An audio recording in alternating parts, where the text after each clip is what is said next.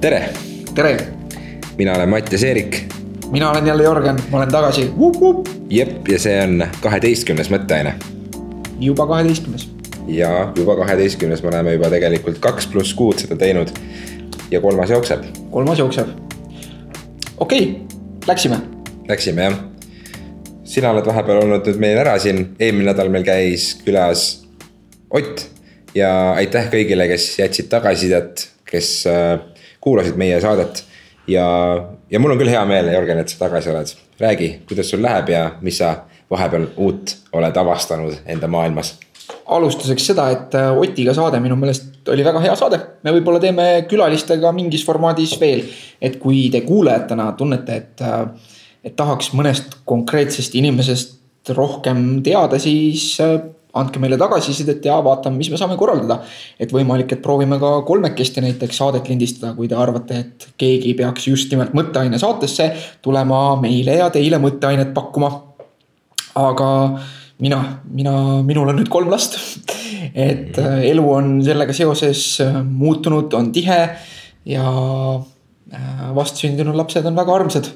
et, et, et seekord jälle kuidagi Äh, iga nagu järgmise lapse sünniga on, on see aeg alati nagu teistsugune, et on, on mingisugused teised mured ja, ja praegu isegi tundub, et nagu teised rõõmud, et teatud mõttes seda, see väikelapse iga muutub nagu järjest rohkem väärtuslikuks, et, et esimese lapsega oli veits nagu sihuke paanika, et oo, et nagu, et mis nüüd saab ja ja, ja kuidas kõik, et kõik, kõik peab nii õigesti olema, et nüüd praeguseks olen juba nii ära harjunud nagu et, äh, et selle kolmandaga on nii, et lihtsalt, lihtsalt vaatad seda väikest inimest ja mõtled, et kurat küll, et iga, iga, iga nagu täiskasvanu, keda sa tänaval näed või naljakas on mõelda, et me kõik oleme kunagi sellised olnud nagu mingisugused siuksed mõnekilused väiksed väheksud.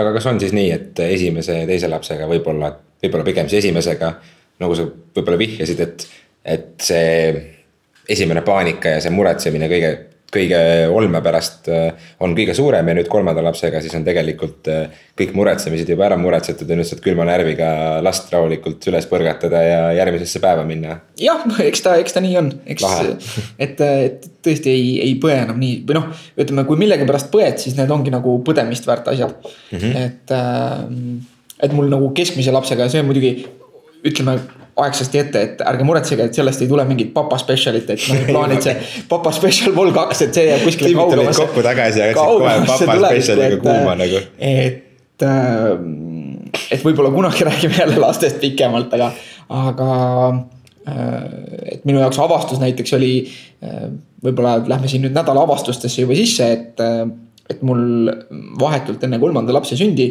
olin üksinda teise lapsega oma vanemate juures Äh, ja, ja, ja siis äh, mu nagu nii-öelda nüüdseks siis keskmine laps sai nelikümmend palavikku, et siis äh, ma öösel, öösel konsulteerisin doktor Google'iga usinasti, käisin mööda PubMed ja, ja, ja lugesin erinevaid allikaid, sain teada, et tegelikult, et väikelaste kõrge palavik ei olegi nii üldse hirmus, nii hirmus asi, kui mulle see tundus, et, et mul oli jah, et kui ma öösel last kraadisin ja, ja oli nagu nelikümmend ja pool, et siis, siis oli korraks ikka nagu paanika majas, aga aga vaagisin, vaagisin asja ja sain teada, et jah, et, et tegelikult, et kui see, kui see nagu seal juba alla kolmekümne kaheksa poole tuleb, et siis ja, ja laps muidu on nagu noh, ikkagi arvestades oma haigusseisundit, on ta ikkagi nagu elav ja joob ja sööb ja kõiki neid asju, et siis ei pea liigselt muret tundma ja. ja, ja läkski kõik hästi. jah, eks kõik äh, seda läbi kogenud lapsevanemad suudavad äh, kaasa tunda, kaasa mõelda praegu sellega, et nii ta ongi, esimesed korrad ilmselt äh, kui lapsed jäävad haigeks, ongi hirmsad ja tegelikult eks nad hiljem on ka natukene ikka muretsed, aga. aga see läheb üle ja, ja tuleb välja, et, et need asjad kõik on ületatavad vot, aga okei okay,, papa spetsialile lukk peale ja, ja alustame oma tavapärase mõtteainega. milline on sinu mööduv nädal siis olnud ja mis sa oled uut avastanud? no ma avastanud olen äh, palju asju, mis jääks sinna papa spetsialisse, aga tegelikult äh, teema, millest ma varem olin ka üht-teist näinud, aga millega ma ei olnud väga palju kursis. Äh, nägin ühte pikka ja põhjalikku artiklit äh, The Atlanticus selle kohta, et äh, anonüümsed alkohoolikud, ilmselt oled kuulnud, see kaheteist sammu programm alkoholisõltuvusest vabanemiseks, sellega tegelemiseks. et ma olin ka varem kohanud infot selle kohta, et see ei ole väga tõenduspõhine ja. ja, ja võib-olla mitte kõige efektiivsem, aga samas on see laialdaselt levinud, eks ju, et ta on mm -hmm. Eestis ka. Ja oli siis kokku pandud selline põhjalik äh, populaarteaduslik artikkel selle kohta, miks see tegelikult äh, on noh, kuidas nüüd öelda, mitte just nagu pettus on võib-olla nagu liiga sihuke tugev sõna, aga aga, aga mis on nagu selle nõrgad küljed ja, ja, ja mis võiks olla alternatiivid ja, ja mida me tegelikult äh, alkoholisõltuvusest teame ja mida ei tea. et minu jaoks oli hea enda kooliaegseid teadmisi värskendada äh,. Ja, ja nagu näha sellist äh,, olgugi et alkoholi kasutamise tulenevate probleemidega tegelen ma mõnikord enda tööelus psühholoogina, et, äh, et klientidel seda muret vahel tuleb ikka ette, siis äh, siis nagu nii sellist põhjalikku ülevaatlikku artiklit anonüümsetest alkohoolikutest ma varem näinud ei olnud ja, ja mul oli seda väga huvitav lugeda. paneme saate kommentaaridesse, et, et põhiline värk ongi see, et, et tegelikult palju sellist absoluutsust, mida seal väidetakse, lihtsalt ei ole tõenduspõhine ja, ja, ja tasuks otsida nagu ratsionaalsemaid alternatiive ja ei pea olema mitte nii, et, et kõik kindlasti saavad alkoholisõltuvusest terveks ainult siis, kui nad teevad nii, nagu anonüümsed alkohoolikud seda teevad, vaid äh, võib-olla, et on äh, paljudele inimestele sobivamaid alternatiive. no see on näiteks jah, lubasin, et ma papa teemast ise ka ei räägi, aga näed, ma võin korraks öelda, et kui laps kasvab ja vajab mingisugust tähelepanu või mingit täiendavat juhendamist, kui muidu võib-olla rohkem, siis eks lapsele tuleb ka ju läheneda omamoodi oma loomingulise külje alt, et. et ma arvan, igal inimesel on need lahendused, see, kuidas sa Äh, psühholoogilisest küljest ka endale selle probleemi lahti lõikad lauale ja, ja ära lahendad ja ära sööd selle nii-öelda, et äh, muidugi, minu jaoks pole see küll mingisugune suur üllatus just, aga põnev oleks just teada, millised need äh, ägedad alternatiivid on, et ma olen kuulnud, et inimesed lähevad ayahuasca tripile näiteks ja teevad jumal teab mida, et, et ühest sõltuvusest. seal tuuakse artiklis kusjuures eeskujuks Soomet ja Soome Soome siis sekkumist alkoholisõltuvusse. Huvitav fakt veel see, et alkoholisõltuvuse vastu kasutatakse sellist ainet nagu naltreksoon. ja naltreksooniga on selline põnev lugu, et nüüd arvatakse, et naltreksoon kombinatsioonis Äh, ühe teise äh, ravimiga, mida on kasutatud, pupropiooniga, mida on kasutatud antidepressandina. Mm.. et nende kombinatsioon võiks olla efektiivne äh, ka nagu sellise emotsionaalse söömise ja, ja, ja nagu sellise noh, ütleme siis emotsionaalsest söömisest tuleneva ülekaalu vastu võitlemisel näiteks et, äh, et see on, äh, see on päris põnev teema, et ajukeemia on asi, mis äh, või noh, ütleme farmakoloogilised sekkumised ajukeemiasse on asi, mis mulle on juba varajasest psühholoogiaõpingute ajast huvi pakkunud, et ma alguses, kui ma läksin psühholoogiat õppima, siis ma ei arvanud, et see mulle nii väga meeldima saab, et kooli ajal ma ei olnud mingi suur keemia fänn. Mm.. aga, aga, aga see on, sain aru, et see on tegelikult väga põnev ja, ja väga oluline ja ja, ja psühhiaatria on, on väga nagu kiiresti arenev, arenev teadus. et, et otsitakse, otsitakse uusi huvitavaid viise, kuidas, kuidas meie elu nagu efektiivsemaks ja lihtsamaks muuta. et, et seda, kas see nii-öelda jutumärkides ravim siis ülekaalu vastu ka töötab, et see on saanud kasutusloa. Eestis seda veel ei ole aga, aga, aga põnev igatahes, et, et see haakub ka meie tänase suure teemaga, milleks on taas toitumine, katsume selle täna kokku võtta. ja, ja võib-olla seal räägime sellisest emotsionaalsest söömisest veel pikemalt. just, ma tahtsingi öelda, et see on minu jaoks ka põnev teema. võib-olla õrnalt olen isegi kokku puutunud sellega, et need perioodid on äh, erinevalt käinud, et vahepeal ma tunnen, et ma söön selleks, et end paremini tunda, mitte selles mõttes, et ma vajan toitu, et elus püsida, vaid sellepärast, et mul on tegelikult kõht täis, aga ma tahan seda magusat asja või mingit kindlat toodet, et, et ma oleks nüüd mõned minutid endaga rahul, aga siis tuleb mingisugune imelik häbitunne ja imelik äh, segadus. aga muidugi saate teises pooles jätkame juba toitumise teemal täpsemalt kõigest sellest nädala, mis mõttes nagu? mis mõttes nagu? jah, räägime nendest. oo oh jaa, mul on, mul on mitme-mitme nädala jagu, mis mõttes nagu no, käisin vaatamas kinos sellist vene filmi nagu Zašitniki. Äh, inglise keelde on see tõlgitud The Guardians. ahah, ehk siis valvurid või? jah, kaitsjad või valvurid või midagi sellist okay., rahuvalvajad vist oli see isegi eesti keeles. et äh, tundus nagu jube äge idee, ma sain sellest kuskil kevadel teada, et äh, venelased teevad nagu oma, oma Avengersit põhimõtteliselt, et mm -hmm. nad on ehitanud nagu mingi superkangelaste müütose. ja treilerid tundusid hästi kihvtid tegelikult, ma vaatasin isegi mõnda intervjuud seal režissööriga ja mm. -hmm. ja et nad olid nagu ehitanud siuksed unikaalsed kangelased endale, kus siis äh, noh, kõige cool'im oli siis äh, libakaru äh, Siberi metsadest, et mees, kes siis sai muutuda karuks. ja idee oli siis selles, et nad on sellised nõukogudeaegsed nagu eksperimendid. ja, ja siis tuleb mingisugune kurjem, kes, kes vallutab Moskva oma tehnokontrolli võimega ja ühesõnaga, see tundus nagu mulle, mulle meeldivad superkangelaste filmid ja, ja olgugi, et ma selline superkangelaste koomiksi lugeja päris ei ole, siis mulle aeg-ajalt meeldib nagu lugeda nende koomiksite kohta või mingeid kultuurilisi analüüse nende koomiksite kohta koomiksid iseenesest mulle meeldivad, mul on mõned ikka riiulis või ütleme siis graafilised novellid.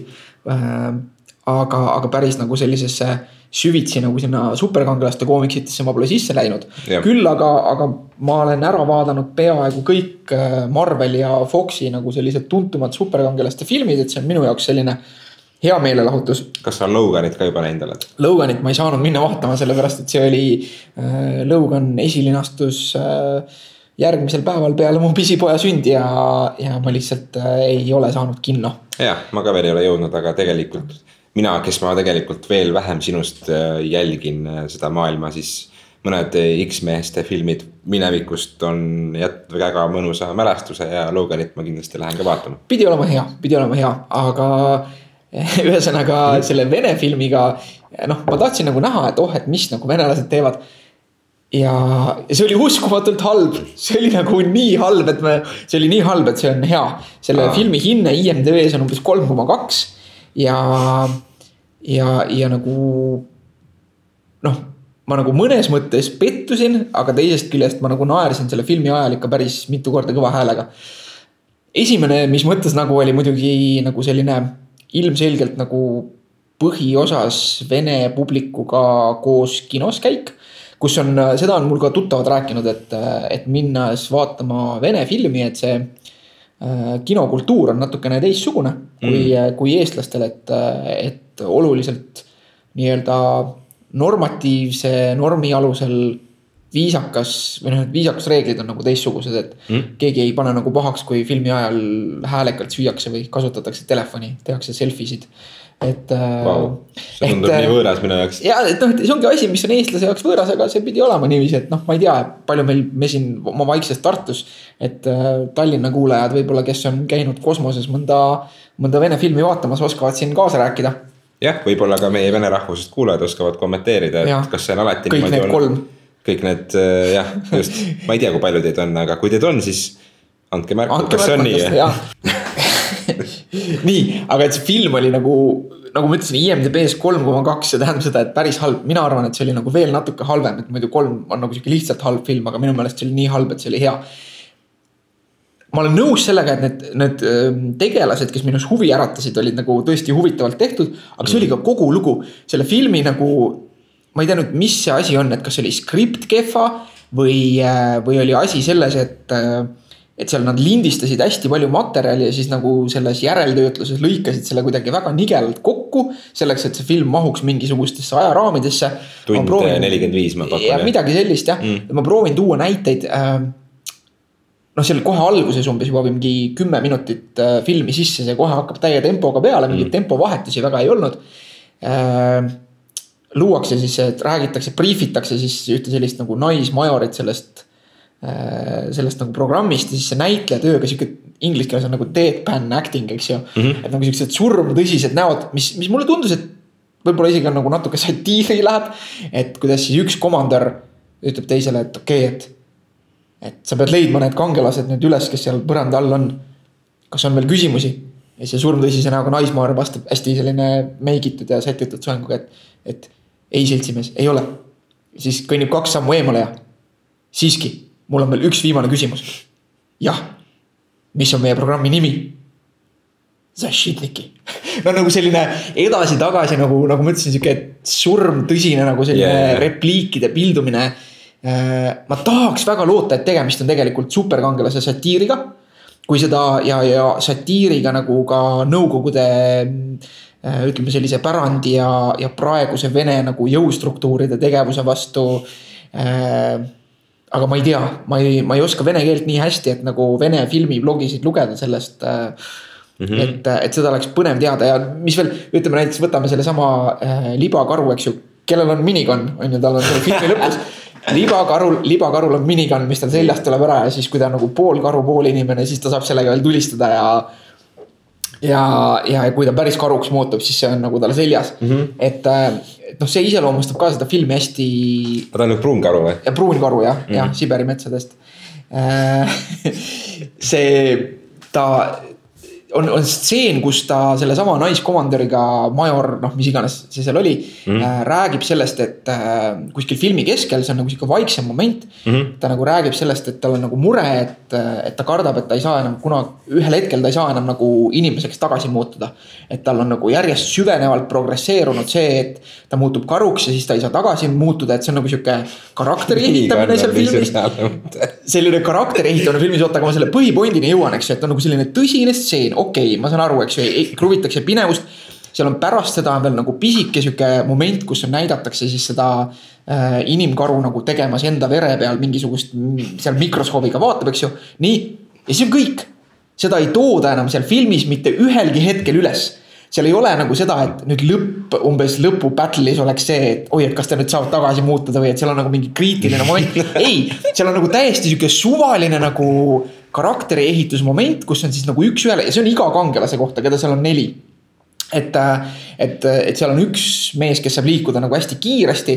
tema nagu mingil hetkel lambist siis räägib sellest, kuidas ta ühel hetkel nagu nii-öelda eksituse tõttu nagu tappis mm -hmm. oma venna. sellest on nagu mingi sihuke kaheminutiline dialoog suvaliselt vahele lükatud ja see on ka kõik, see ei tule enam kunagi teemaks seal filmis mm. -hmm. et, et nagu mingisugused jupid on nagu nii liigestest lahti omavahel ja, ja, ja kõik see nagu nii-öelda nende surmtõsiste nägudega antud selline äh, dialoog äh,. Noh, mingi selliste megaklišeedega äh,.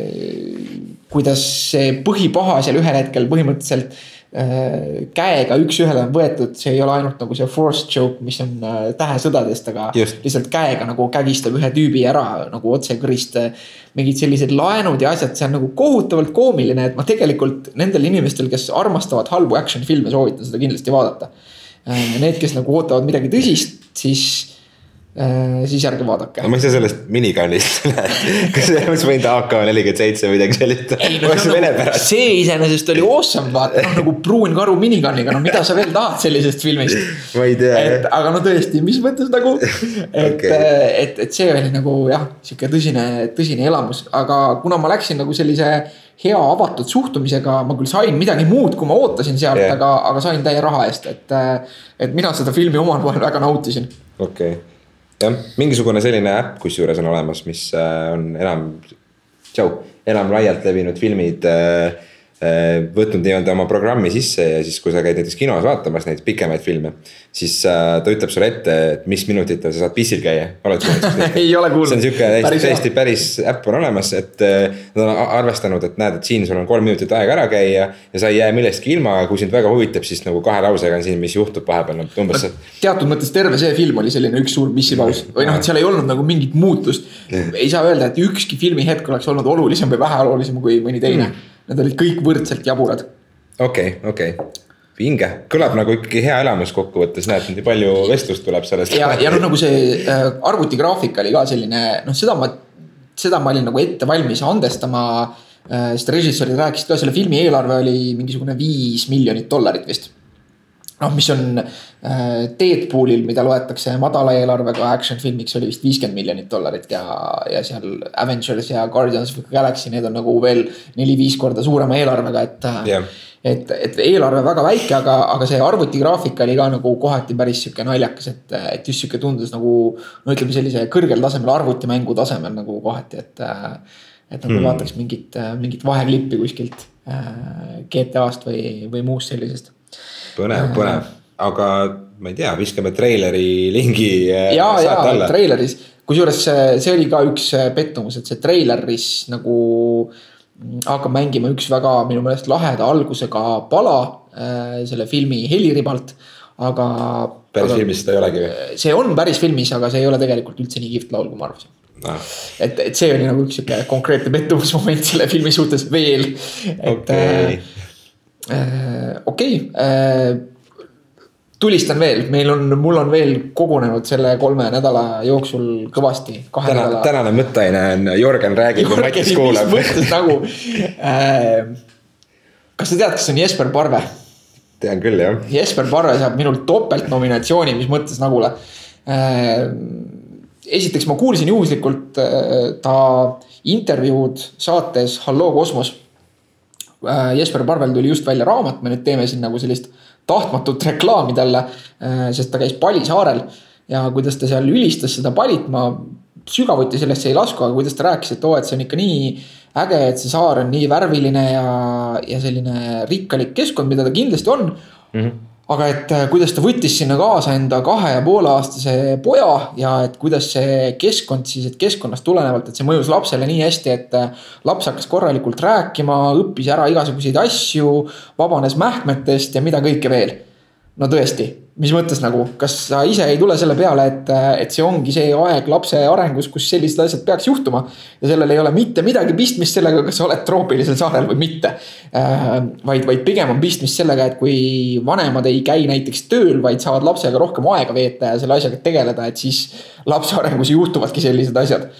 et, et see on sihuke suur noh, see, et kausatsioon ja korrelatsioon ei ole seesama asi, et, et ma arvan, et see on midagi, millel me mõnikord enda saates mõne teema juures peaksime pikemalt peatuma, et kuidas eristada seda, et kuidas hoida kriitilist meelt selles suhtes, et mis on tegelikult põhjused elus, mis nagu millegi teise eelduseks on, et mis, mida põhjustab.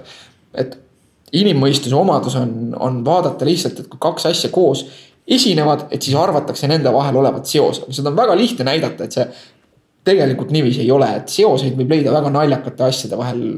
Nicolas Cage'i filmide ja uppumissurmade vahel Ameerikas ja, ja sidrunite ekspordi ja liiklusõnnetuste arvu vahel ja mida kõike veel. klassikaline näide on see, et, et, et globaalse soojenemise ja piraatide arvu maailmameres vahel on nagu tagurpidine seos, et äh, kui rääkida piraatide vahel Kariibi meres, et mm. -hmm. et kui selliseid Jack Sparrowsid hakkas jääma järjest vähemaks ja vähemaks, siis kliima hakkas minema soojemaks. et äh, mis ilmselt ei ole põhjuslik seos aga, aga kaks hmm. asja koos, koos võivad esineda vaatame seda asja veel. et ühesõnaga Jesper Parve topeltnominatsioon sellepärast, et, et ta kirjutas oma blogis ühe artikli, mille nagu sisu oli see, et või noh, pealkiri oli, et mees ära võrdleb porgandit munni või naine ära võrdleb porgandit munniga. ja ma saan aru, et see artikkel ise oli nagu heasoovlik, et, et see mõte oli umbes selles, et, et naised, ärge rääkige oma mehi taga.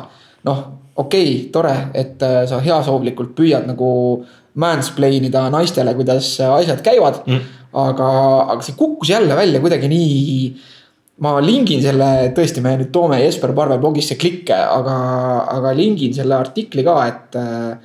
et eks teile lugejad saate ise, lugejad, kuulajad saate ise otsustada, et mis teie sellest artiklist arvate. võib-olla mõni teist on sellega päri ja arvab, et see on äh, parim asi eales, aga siis olete saanud toreda blogi, mida lugeda, aga minu jaoks oli see nagu tõsine, et mis mõttes nagu, et äh, katsu olla äh,, jah okei, et, et jah, nagu noh, minu jaoks üldse nagu mm. selline mehed-naised vastandamine on naljakas ja kummaline, et okei, et äh, paarisuhete teema on kindlasti selline, kus on nagu juba suhted ka nagu ühe sama inimese suhted on tegelikult võivad olla väga erinevad. loomulikult seal on nagu mingisugused mustrid, mis tulenevad sinust. aga, aga juba nagu ühe inimese suhted võivad olla väga erinevad, rääkimata siis sellest, et on suhteliselt nagu jabur võrrelda nagu erinevate inimeste erinevaid suhteid omavahel.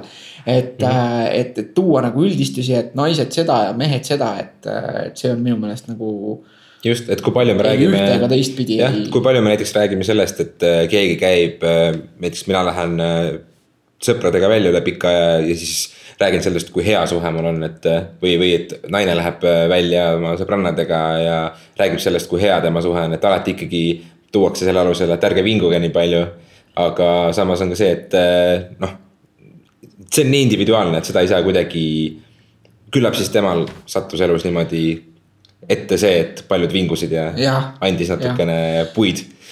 nii. okei okay äh,. võimas viimane, viimane, viimane, kolmas, mis mõttes nagu selleks nädalaks. kas sa tead, kes on Terry Crews? tuleb sulle selle nime? jaa, tean, see on see mees, kes äh, Old Spice'i reklaamis muskleid punnitab ja, ja, ja selles Chris Rocki sarjas oli isa, kes sente luges. just äh,, Ameerika näitleja, tuntud oma. endine, endine jalgpallur. jah, endine mm -hmm. jalgpallur, tuntud oma suurte musklite ja ja, ja täitsa vahvate rollide poolest, mis ta mõned on teinud. kusjuures tuntud ka selle poolest, et ta on ületanud äh, pornograafia sõltuvuse ja sellest avalikult rääkinud. oo, seda ma ei teadnud, et põnev, võib-olla lingime selle ka. aga sellega me tegelikult äh, saame viia silla tänasesse suurde teemasse, milleks on toitumine, vahepeale torkame veel MMA minutid. aga Terry Crews'iga oli selline lugu, et Terry Crews ja, ja see on nagu mõnes mõttes ka meta, mis mõttes nagu mm., sest Terry Crews'il oli klipp, äh, mille pani välja Business Insider, mis üldiselt võiks olla nagu sihuke suhteliselt usaldusväärne allikas, vähemalt mis puudutab nagu mingeid selliseid, ütleme, mittepoliitilisi asju, eks mm. -hmm. ja, ja Terry Crews rääkis seal siis äh, videoklipis sellest, kuidas ta on enda jaoks avastanud äh, vahelduva paastumise, inglise keeles intermittent fasting. mis on nagu sihuke trendi asi toitumises juba seal kuskil võib-olla viis aastat tagasi hakkas see nagu peale mm. -hmm. ja, ja see klipp on suurepärane näide sellest, et kuidas, et ära, ära, ära võta nagu toitumise treeningnõu nagu kuulsustelt. Et need kuulsused ei ole tegelikult eksperdid, nemad ei ole tegelikult need, kes saavad sellest asjast sisuliselt aru ja Terry Crews, kes loomulikult näeb välja nagu väga musklis ja võiks nagu peale vaadates tunduda, et oo, et ma tahan ka olla nagu Terry Crews on ju ja mm. sama musklis ja sama nagu sihuke äh, vähese rasvaprotsendiga. esiteks mõtle natuke selle peale, see mees on endine Ameerika jalgpallur, eks ju, ja nüüd on ta näitleja, see on ammu teada, et Ühendriikide näitlejatel, eriti kui nad ületavad teatud vanuse, neil on väga head arstid, eks ju. et, äh, et ma olen väga kindel, noh, õnneks me ei ole USA-s. kus ta. see mees on meil TRT rongi peal ka või? ja ma arvan, ma, ma olen selles väga kindel või noh, sest seal on see, et ei ole ühtki põhjust, miks ta ei peaks olema. miks ta ei peaks olema, teatud vanusest nagu on see mehele väga mõistlik äh, asendada uuesti testosterooni, kui ta see langema kipub. Nad mm -hmm. saavad äh, arstide abiga korralikult kasvuhormooni kasutada, eks ju Nad ei ole sportlased, kes, kes peaksid kuidagimoodi võrdsetel alustel võistlema mm. -hmm. et äh, mis te arvate, kas Arnold Schwarzenegger, Sylvester Stallone, kasvõi sama rääkisime siin Loganist. joh, ei tea, ta on nelikümmend kaheksa. jah, rääkisime Loganist, et Hugh Jackman ka, kes seal on kõik, eks ju, viiekümne ühel pool või teisel pool päris lähedal, eks ju mm. -hmm. et äh, noh, üks asi on muidugi see, et filmis tehakse palju ka järeltöötluses ja ja aga, aga seda vormi ajastatakse, noh ajastatakse väga hästi ka, kui mõelda selle peale, mida Gerald Butler tegi kolmesajaks, eks ju, inimesed räägivad, et oo, et. seal tehti jube palju nagu arvutiga, et kõhulihased olid arvutiga tehtud, ei olnud tegelikult nagu lihtsalt näitlejad kuivatasid ennast, tegid väga intensiivset trenni, on ju. ja mm, -hmm. ja, ja see on ammu teada, et näitlejatel rollide jaoks on ka, ütleme siis noh. See on vist Hollywoodis on üsna standard, et kui sa korra pead mingit särki vahetama, siis sa põhimõtteliselt nagu six-pack on punnis nagu. jah, ja, ja, ja, ja noh, ravimid on abiks selle koha peal nagu näitlejatele ka ja nagu ma ütlesin, et kui sa oled nelikümmend kaheksa, siis selles vanuses selleks, et nagu elada rõõmsat ja täisväärtuslikku elu, nagu üks neljakümne kaheksa aastane rõõmus mees võiks elada. siis äh, väga paljudel võib-olla ongi näidustatud see neid testosterooni asendusravi, eks ju mm. -hmm. ja ma usun, et näitlejad, kellel on nii rahalised võimalused kui ka kontaktid professionaalidega, nemad kindlasti nagu kasutavad neid võimalusi. no kindlasti, muidugi äh,. et siis Terry Crews'i nagu vormist palju ei tule mitte sellest, et ta kasutab vahelduvat paastumist ja vaid tuleb sellest, et, et mida ta nagu igapäevaselt võtab ja, ja mida ta arst talle välja kirjutab. kas need ravimid käivad äh, suukaudse manustamisega või äh, käivad need otse veeni? Äh, saab mõlemat pidi, kui ma ei eksi, et noh, kasvuhormooni kindlasti suu kaudu võtta ei saa. okei okay,, ma ei, ma ei tea midagi sellest maailmast, nii et see on. et las see praegu jääb, võib-olla okay. kunagi räägime pikemalt, kui, kui inimestele. kutsume mingisuguse TRT venna siia ja küsime, kuidas tal sellega läheb jah no ma ise arvan, et nagu ühel hetkel, kui mul peaks vaja olema, ma arvan, et võib-olla seal nelikümmend pluss, eks ju. ma kindlasti kavatsen arsti juures käia ja, ja vaadata, kas seda saada on võimalik. et mm. kui, kui see on näidustatud, siis, siis ma igal juhul võtan selle vastu äh,. nii, aga, aga selle vahelduva paastumise iva on siis see, et mingi osa päevast inimene noh nälgib, et mõnes mõttes klassikaline oleks see, et tegelikult ju vana hea, et ära söö peale kuute, eks ju, et näiteks sööd õhtust enne kella kuute, ütleme kell viis. ja siis kuskil kella kuuest kuni kella näiteks hommikusöögini kell kaheksa või üheksa, siis see on tegelikult ju neliteist, viisteist tundi paastu on... mis täidab selle funktsiooni, et, et uuringud näitavad sinna, et sellel tõepoolest võib olla mingisugune kasu. et, et kasu ei näi olevat nagu mingisugusel pikemaajalisel paastumisel, et keegi teeb nüüd siin ma ei tea, mingit nädalast veepaastu või mis iganes muud lollust mm. -hmm. aga tõepoolest selline nagu mingitel päevadel selline pikem periood, kus oled ilma toiduta. kui sa suudad enda elu korraldada nii, et see sind nagu ülejäänud ajal üle sööma ei aja, siis sellest võib tõesti olla kasu äh, millest see kasu täpselt tuleb, kas sellest, et see üldine kaloraaž väheneb või tõesti sellest, et, äh, et siis see keha nagu peab kohanema sellega, et mingi aeg olla ilma toiduta. noh, seda nii täpselt me isegi veel ei tea, et seal rotiuuringud ütlevad ühtesid asju, aga jällegi inimesed ei ole rotid ja, ja, ja see on sihuke, sihuke põnev teema.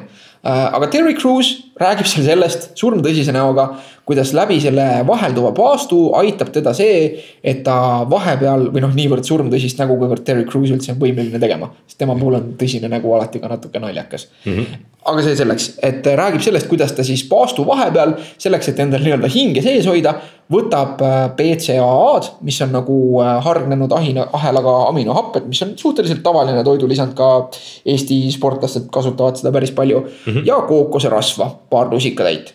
ja see nagu noh, selles mõttes see ei ole enam paast et nagu äh, hargnenud ahelaga aminohapped äh, lõhuvad selle paastu füsioloogilises mõttes väga korralikult, et äh, kutsuvad esile ka insuliinireaktsiooni ja kõike seda, mida nagu selle paastuga püütakse vältida.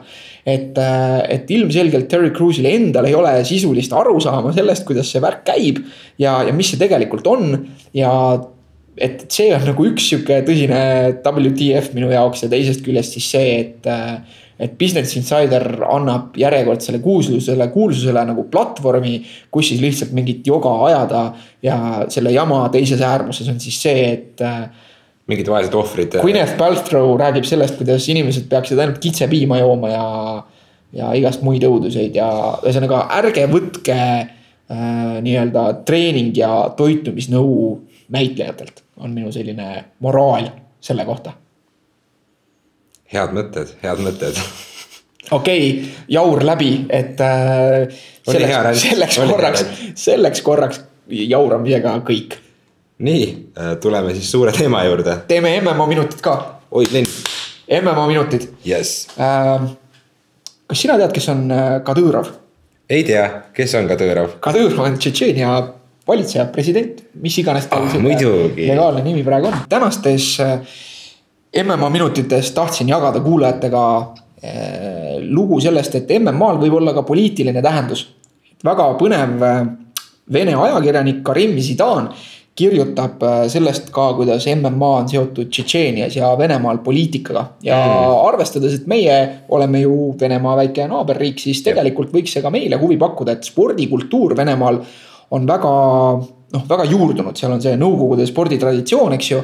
ja Äh, on täiesti reaalne, et, et mõni oligarh saab näiteks kasvõi Putini jutule läbi selle, et ta korraldab vinge MMA võistluse või, või sponsoreerib Vene MMA võitlejaid ja, ja siis kuidagi läbi selle saab audientsi nagu kõige kõrgema võimuga Venemaal. aga tulles tagasi Kadõrovi juurde, siis noh, Kadõrov on ilmselgelt peast päris segi mees, seda ei pea nagu laiemalt avama, et kes tahab, see guugeldab ja, ja see, mis Tšetšeenias toimub praegu. kuidas ehitatakse Venemaa rahadega seal sellist autoritaarset võimu ja samas on see selline äh, noh, ütleme päris kindlasti ei ole see demokraatia, mis seal riigis toimub mm. -hmm. et, äh, et koristatakse ära inimesi, kes on ebasoovitavad ja väga palju tegelikult äh, rahvast põgeneb Tšetšeeniast praegu, sellepärast et äh, kardavad langeda poliitilise tagakiusamise ohvriks ja äh, siis Kadõrovi tegelikult kogu selline parem käsi, nii-öelda muskel, kogu see kaader on tugevalt seotud MM-aga, seal on praeguseid võitlejaid, endiseid võitlejaid. Tšetšeenia investeerib väga palju raha sellesse, et korraldada ise nagu suuri show sid, kuhu nad toovad ka äh, läänest võitlejaid mm Kadõrov on endale külla kutsunud lihtsalt vaatama, seal käisid näiteks Chris Weedman tollel ajal, kui ta oli keskkaalu tšempion ja Fabrizio Verdum ja Frank Mir. Äh, kellele, kes ei ole sellised mehed, kes lihtsalt niisama lendavad Tšetšeeniasse, neile peab palju raha maksma.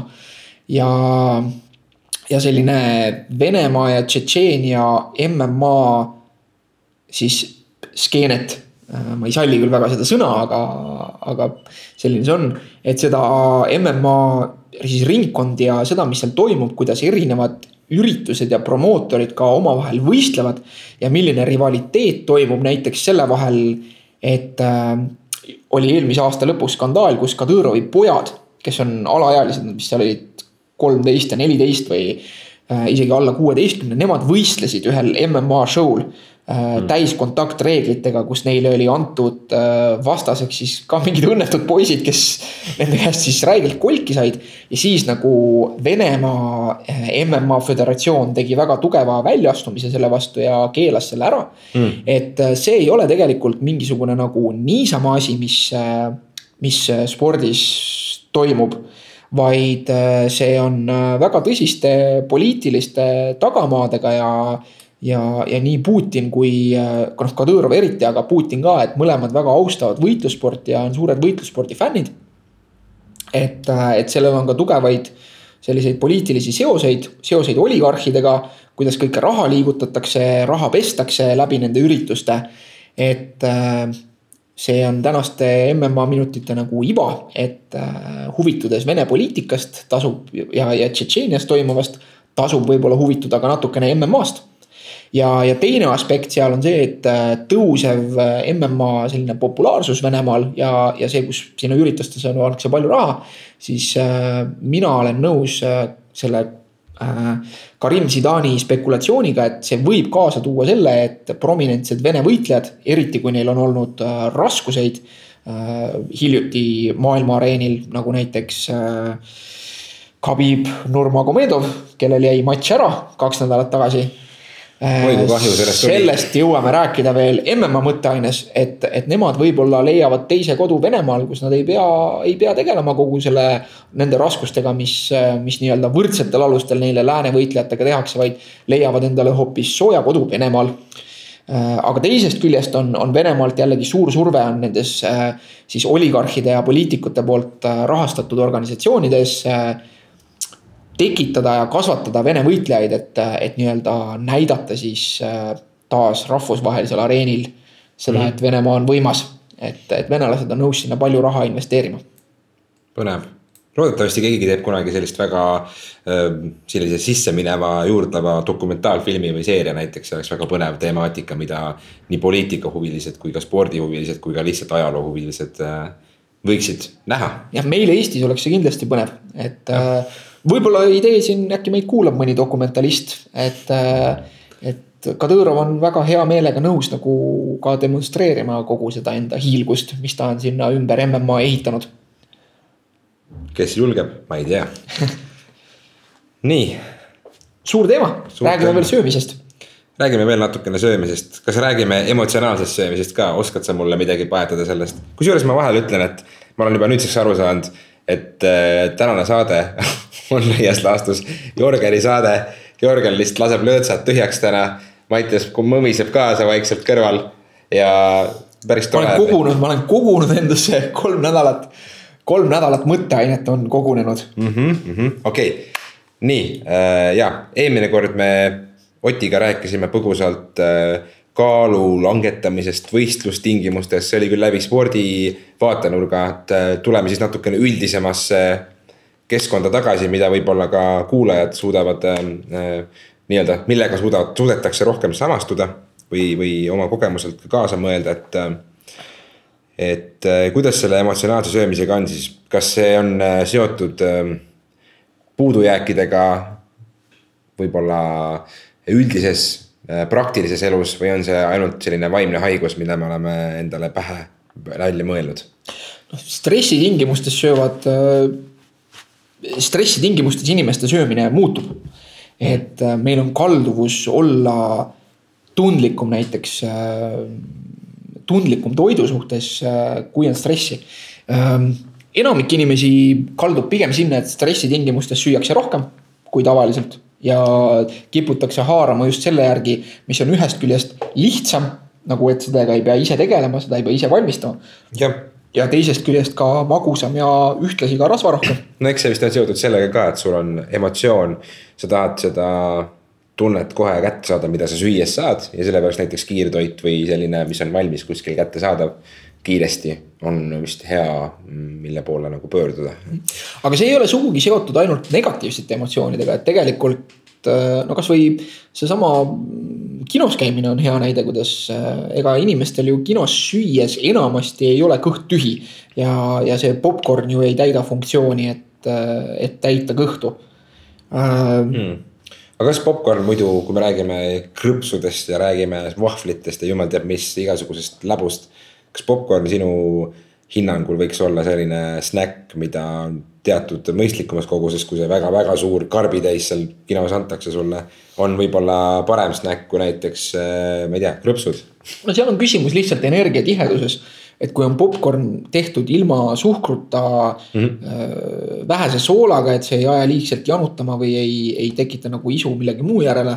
Ähm, ja, ja ilma võita siis mm. on see lihtsalt väga madala energiatihedusega snäkk, mida okay., mida tõepoolest võib süüa. ühtlasi on see ka üsna maitsetu ja mõttetu sellisena, nii et see ei paku mm. võib-olla seda elamust, mis. ma ei tea, see on selline soola minule väga meeldib kinos käia, alati ma võtan endale ühe popkorni ja võtan endale ühe gaseeritud tavalise vee. ja see kombo äh, minule on viimased paar aastat, kui ma kinos olen käinud, alati sobinud. aga seal tasub mõelda, et noh, et kas, kas su kinoelamus, et kui rääkida nüüd mm. emotsionaalsest söömisest, miks ma tõin selle kino suhtes näiteks, on see, et kinos tegelikult ju enamasti kaasneb positiivne emotsioon. et isegi kui tegemist on, lähme näiteks õudusfilmi vaatama, siis see on ikkagi nagu sihuke kontrollitud hirm ja kontrollitud ärevus. Äh, et kas su elamus oleks tõesti nii palju kehvem näiteks, kui sa seda popkorni ei sööks? vähemalt küll jah. jah, et, et emotsionaalse söömisega on alati see lugu või, või ütleme siis isegi mitte ainult emotsionaalse söömisega, vaid tasub mõelda, et kus me oleme nagu tugevalt mõjutatud nagu ainult välistest teguritest. selles mõttes, et äh, noh, sisemine tegur toidu suhtes või sisemine stiimul on nälg. Äh, et ma tajun, et mul on kõht tühi. Äh, sisemine stiimul võib olla see, et ma tajun, et mul on kuidagi pea uimane ka näiteks, et ma mõtlen, et, et siis veresuhkur on madal või, või tunnen kuidagi kehvasti. janu, et need on sisemised stiimulid mm. -hmm. ja, ja mõnes mõttes noh, selline ideaal on ju see, et me juhindume sada protsenti sisemistest stiimulitest. sööme siis, kui kõht on tühi, lõpetame söömise siis, kui kõht on täis. Äh, ja, ja, ja siis nagu ongi kõik hästi, eks ju. probleem on selles, et me oleme mõjutatud ka välisest või et meil, sellest me rääkisime eelmisest söömisteemalises äh, episoodis, et seosed tekivad äh, söömisega nagu söömise tegevusega ja söögiasjadega tekivad seosed väga lihtsasti. siinkohal tahaksin tänada Andot, kes taas meie saadet kommenteeris ja ütles, et tegelikult võis olla ka mul ikkagi mingisugune toidumürgitus, mille ma sain lihtsalt väga spetsiifilisest toiduosast, kui ma sellest rääkisin, et. jah, see oli see burgeri lugu. jah, see burgeri lugu jah. aga sa siiani ei suuda seda burgerit. ma siiani ei, ei söö, no ütleme, kui mul väga häda käes on, siis ma, siis ma saan, aga ma. see on hea asi, mida öelda, no kui mul väga häda käes on, siis ma söön seda burgerit. no ma söön hea meelega nagu nii-öelda lahtist burgerit näiteks kuskil äh, söögikohas, kus mm., kus ma arvan, et see noh, näiteks restorani kontekstis noe kahvliga ja mm,. aga mul oli näiteks eh, sügisel või võib-olla eelmise suve lõpus oli selline kogemus, et äh, mul oli ka mingisugune pisik sees, ma sõin juhtumisi Hiina toitu. ja siis, kui ma selle haiguse tõttu samal õhtul või ma ei mäletagi, oksendasin öösel. siis terve see Hiina toit, eks ole, see kõik see tuli mul välja, see visuaalne ja see maitse jäi mulle väga teravalt meelde ja näiteks, kui ma sel nädalavahetusel äh, punases kastmes Hiina toitu sõin, mis oli selline veits kreftine või selline natukene teravapoolne. siis ma lihtsalt ei suutnud üle kolme ampsu seda Hiina toitu süüa, sest mul läks süda pahaks ja mul tuli see visuaalne mälestus väga hästi meelde, et. see minu jaoks täiesti reaalne probleem. noh, jällegi, et, et see on nagu näide sellest negatiivsest seosest, eks ju mm., et et aga kergesti me toiduga loome ka seoseid, no kasvõi seesama, et me loome selle seose, et toit näiteks käib kinos käimise juurde. ja, ja siis nagu aja jooksul tekibki sihuke noh, sisemine nagu sihuke taju, et kui ma juba kinosse lähen, et siis ma juba poolautomaatselt nagu sirutan käe selle järgi, mis ma olen siis harjunud sööma ja ja, ja esimestel kordadel, kui ma seda näiteks ei tee, et ma teadlikult ei võta toitu kinno mm, -hmm. siis äh,, siis võibki tekkida, et mul on kuidagi nagu rahutus ja käsi sirutab sinna käetoe poole, kus justkui varasemalt olen harjunud, et on topsike popkorni, aga tegelikult ei ole. et äh,, et see on nagu puhas sihuke, sihuke käitumuslik välistest stiimulitest äh, juhindumine, et meil alati on saatesse tulles no, nagu nalja sellega, et, et äh, tihtipeale me sõidame siia koos ja väga tihti me räägime juba äh, lindistama sõites sellest, mida me saates hakkame tegema või, või kuidas nädal on läinud. ja ütleme nii, et ma arvan, et enamikel kordadel on juhtunud seda, et ma sõidan tegelikult valesti Äh, mina olen roolis, eks ju, ja, ja sõidan nagu mingisugusel harjumuspärasel teel, mis on kas äh, Ambro meeldib tööle või trenni või, või nagu need on nagu väga kindlad rajad. Äh, kuigi ma peaks tegelikult võtma suuna hoopis voo poole. Ja, ja kui oleme jutuhoos, siis. mina ka ju, mina ka kõrvalt täiesti mõtlen hoopis jututeemaga kaasa ja see tee lihtsalt läheb. jah, et, et see on näide sellest, et, et keskkond suunab meid palju mm -hmm. ja söömise suhtes selliseid asju on, on, on mitmeid-mitmeid, et et kasvõi noh, kellaaeg, eks ju, lapsest peale osad pered on sellised, nad juurutavad sisse väga kindlad söömise kellaajad. ja sellel on plusse, näiteks laste puhul, et lapsed harjuvad ära sellega, et peab sööma kindlatel kellaaegadel, eks ju, ja aga, aga nagu noh, selle miinus on jällegi see, et see õpetab keha juhinduma välisest stiimulist ja oletame, et juhtub sihuke asi, et, et lõuna on hoopis kuskil sünnipäeval ja, ja, ja sööd, on palju maitsvaid asju, sööd hästi palju, kõht on väga täis. Siis, kui sa oled harjunud sööma kell kuus enda õhtusööki, siis kell kuus läheb ikkagi justkui kõht tühjaks. olgugi, et nagu lõuna ajal oli söök suurem ja, ja, ja tegelikult nagu energia mõttes sul seda vajadust ei ole et äh, tasub olla tähelepanelik selle juures, et mis on need välised stiimulid, mis sinu söömiskäitumist mõjutavad. ja noh, seal on probleem selles, et, et supermarket näiteks, eks ju, et meil looduses või meie evolutsioonilises minevikus ei ole sihukest asja, et me nüüd astume poodi ja võime seal piiramatus koguses võtta igat toitu, mis, äh, mida me vähegi tahame ja, ja, ja seda päevast päeva. et äh, sellega nagu noh nii-öelda toimetulemiseks on, on nagu kaks sellist poolt, et üks asi on see, et me peame rakendama nagu sellist teadlikku kontrolli lihtsalt, et.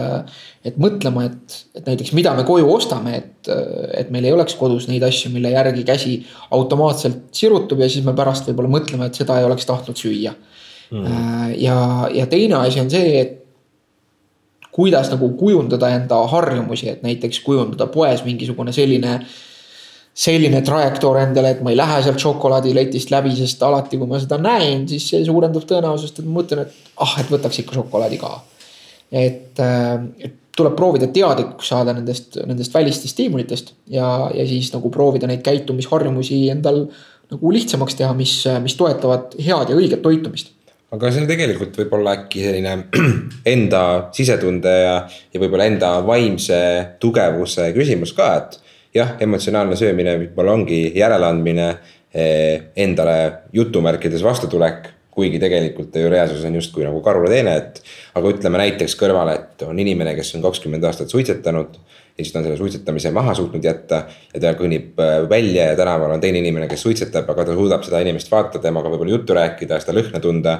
ja ta ei taha suitsu teha et, et see võib olla samamoodi, et, et äh, võib-olla just peaks šokolaadi, šokolaadiletist iga kord mööda kõndima, et seda vaimset äh, trenni teha sellega, et sa ei hakkaks seda igatsema ka, vaid sa tuletad endale meelde seda kogemust, et jaa, mul ei ole seda vaja, mul ei ole seda vaja, noh. no seal on see aspekt, et, et kas äh,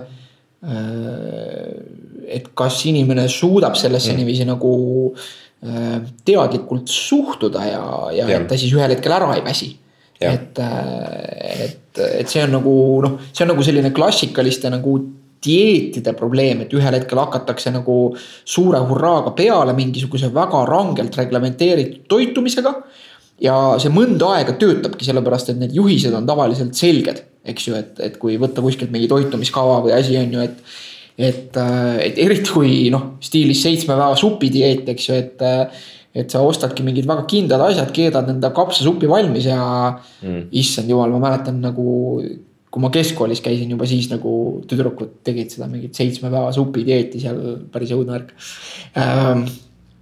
et äh, aga kas nad olid siis, äh, oli see välimuselt ka märgatav, kas nende sära, kas nende, energia, kas nende vestlustoon, kas nende. selle seitsme päeva vältel läksid ikka longu lõpuks ja päris tigedaks.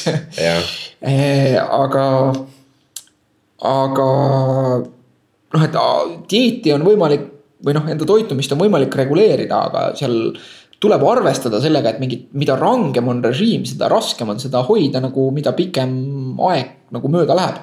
eks ju, sest ikka on, juhtub seda, et, et elu läheb kuidagi teistmoodi või sul ei ole valmistust nagu pidada sellest rangest režiimist kinni. seetõttu räägitaksegi, et selline funktsionaalne nagu pikaajaline söömiskäitumise muutus, et see peab olema nagu elustiili muutus aga, aga elustiili muutus ei alga sellest, et ma panen põmm endale kohe mingi ülirange dieedi peale. et, et noh, nii-öelda tõenduspõhiselt, kui rääkida nüüd ülekaalust, et äh, siis selline tõenduspõhisus kipub osutama sinna, et. et, et võib-olla nagu inimesele, kes on juba äh, noh, nagu ütleme siis meditsiinilises mõttes tõsisemas ülekaalus, ta soovib kaalu langetada. et, et sellisel inimesel võib-olla tõesti on algust tasub teha tõesti mingi väga selge kavaga äh, mis oleks nagu ettekirjutustega ja lihtne ja see võibki olla isegi selline Äh, noh, nagu natuke järsem, et, et see ei pea olema nagu üli äh, ülileebe algusega, et ta alustab nüüd sellest, et ta sööb ainult ühe õuna päevas, eks ju, juurde, lisaks sellele, mis ta on. ma ei mõtle siin nüüd, et keegi peaks sööma ühe õuna päevas, see on, kukkus kuidagi valesti välja. Äh, sööge kolm. jah et sööma peaks ikka valku, rasvu ja süsivesikuid, kõike on vaja, aga ühesõnaga Äh, ülekaaluline inimene võib alustada nagu pisut rangema dieediga. aga, aga tal peab olema nagu see varuplaan sellele, et kuidas ta siis nagu paari kuu pärast näiteks selle rangema režiimi pealt nagu äh, läheb tagasi vabamaks, ilma langemata tagasi enda päris vanadesse mustritesse, et, et mis on see. noh, et see elustiili muutus on võimalik ainult siis, kui see muutus on jätkusuutlik et, äh, et see on nagu see probleem, mis inimesed teevad, et nad ei mõtle nagu neid, nad ei planeeri, planeeri nagu neid eksimusi ette ja nad ei planeeri ette, kas on võimalik nagu režiimi hoida pika aja vältel. et, et see on nagu see eksimus, mida, mida inimesed teevad.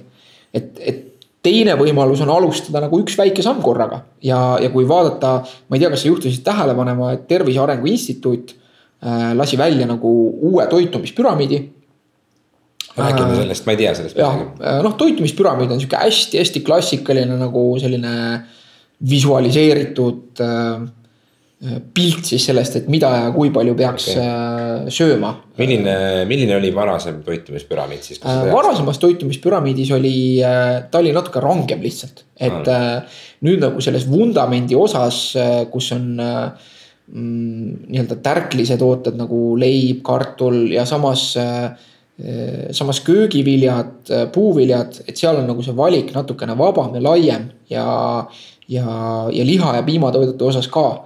et, äh, et varem oli see nagu natukene rangem, aga, aga selle, mis, kuhu ma tahtsin jõuda, on see, et see Tervise Arengu Instituudi visualiseeringu põhjal või, või tähendab mitte põhjal, vaid selle kõrval oli ka see, mida nagu keskmine Eesti pere reaalselt sööb. ja, ja olgugi, et sa võid nagu mitte nõus olla sellega, et, et selline äh, Äh, nagu see klassikaline lähenemine, noh, mis on ka Vahemere dieedil ja, ja, kõike, et mm. -hmm. et süüa võib kõike, aga et ikkagi on nagu palju selliseid, noh, mitte nüüd palju, aga et omajagu on nagu selliseid pastatooteid ja kartulit ja riisi ja selliseid asju ka. et mõni võib-olla ei ole sellega nõus, tahab endale süsivesiku vaesemat dieeti.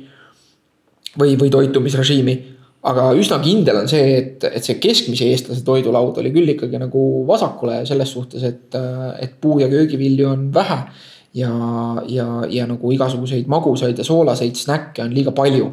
et see meenutas pigem nagu sihukest äh, mingit äh, šampinjoni või mingit muud seent. et, äh, et see mm. vundament oli nagu habras, mis peaks toituma siis just värskele kraamile. ja, ja see tipp, mis püramiidi puhul on pisike, kus siis on nagu magus nagu maiustused äh, ja, ja muu selline mingid krõpsud, asjad mis on siis nagu püramiidi tipp.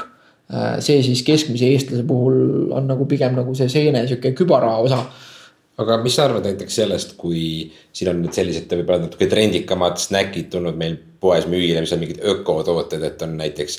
sul on kartulikrõpsud valikus, mis on sellised, ütleme, ma ei tea, soolatud leisid või mis iganes.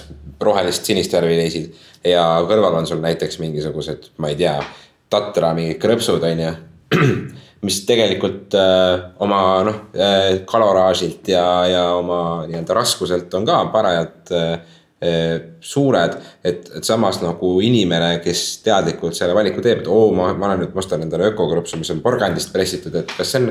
kas see on reaalselt mingisugune nagu praegune trend, ma saan aru, et inimesed ostavad ja tunnevad ennast paremini, et nad tahavad ka snäkkida. see kõik on okei okay,, et aga kas, aga, aga äkki äkki ma vist mõtlen seda, et, et võib-olla just peaks ikkagi ostma selle ühe selle pleisipaki ja lubama seda endale kasvõi kord kuus, kui iga nädal sööma neid eh, porgandikrõpse, et see on jällegi mingisugune tobe asendus nagu tundub rohkem. noh, see sõltub jällegi sellest, et kas see režiim on jätkusuutlik, kas see toit täidab, äh, eelmises toitumise osas me rääkisime ka, et mm., et see sihuke nii-öelda äh,. kuidas öelda, et ütleme selline vähese lisandväärtusega toit, nimetame seda siis niiviisi, et, et mm. see, see toit äh, mis, mis sisaldab ainult energiat, mida meil läheb ka vaja, eks ju. aga kus on vähe vitamiine, vähe mineraale ja ta on suhteliselt energiatihe. noh, me räägime siin krõpsudest, maiustustest äh,, friikartulitest, muust sellisest.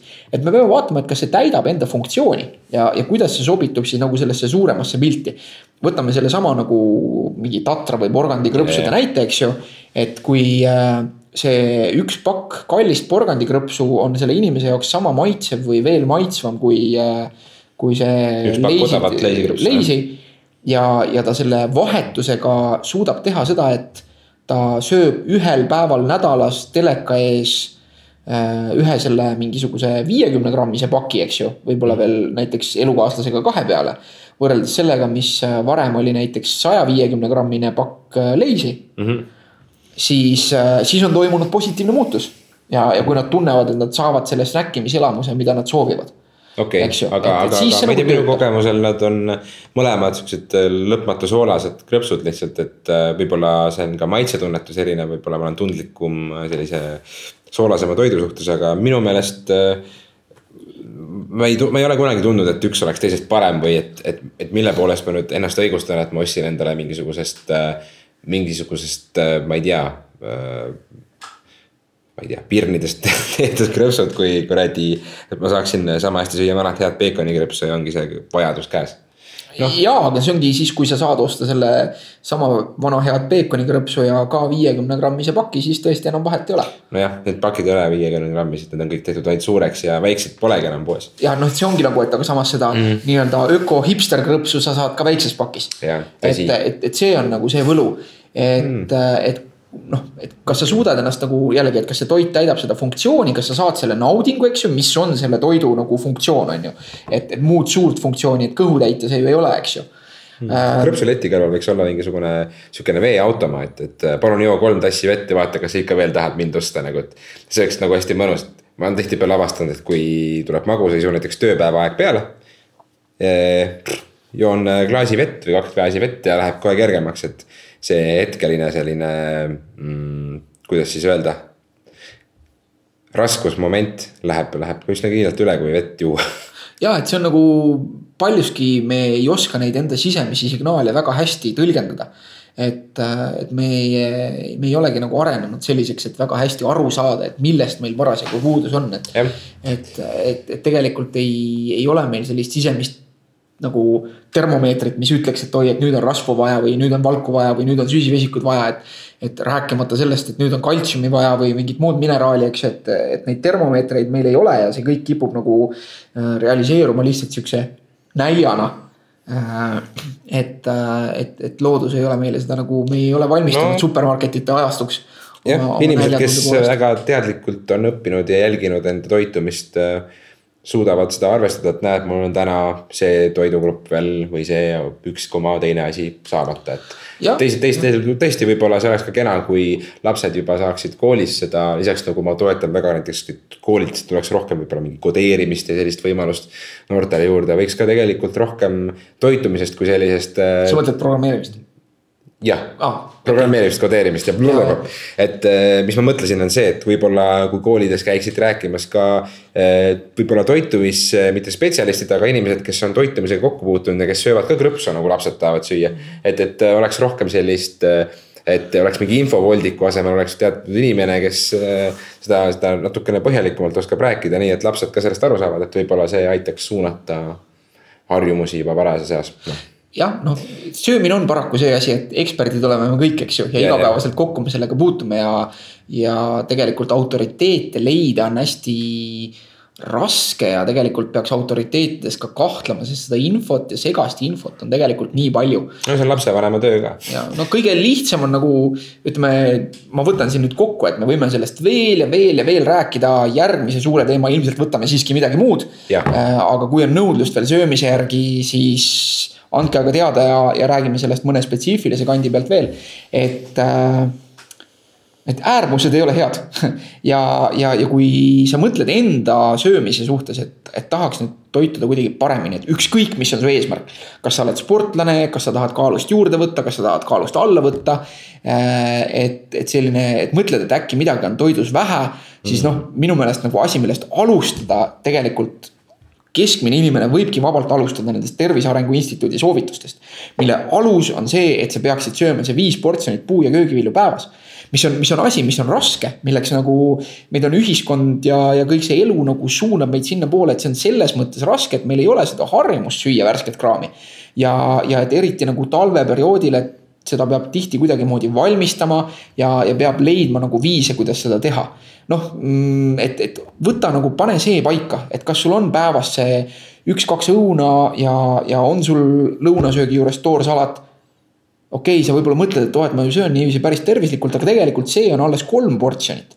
kus on veel kaks portsjonit? on ju, et sa peaks veel ikkagi mõtlema, et kas, kas sa õhtusöögi juurde siis ka teed endale veel mingisuguse salati mm.. noh, variante on lihtsaid, et praegu poest osta kasvõi karpidusid, kui sulle meeldivad idud ja söö need selle juurde ära, mis iganes sa õhtul sööd.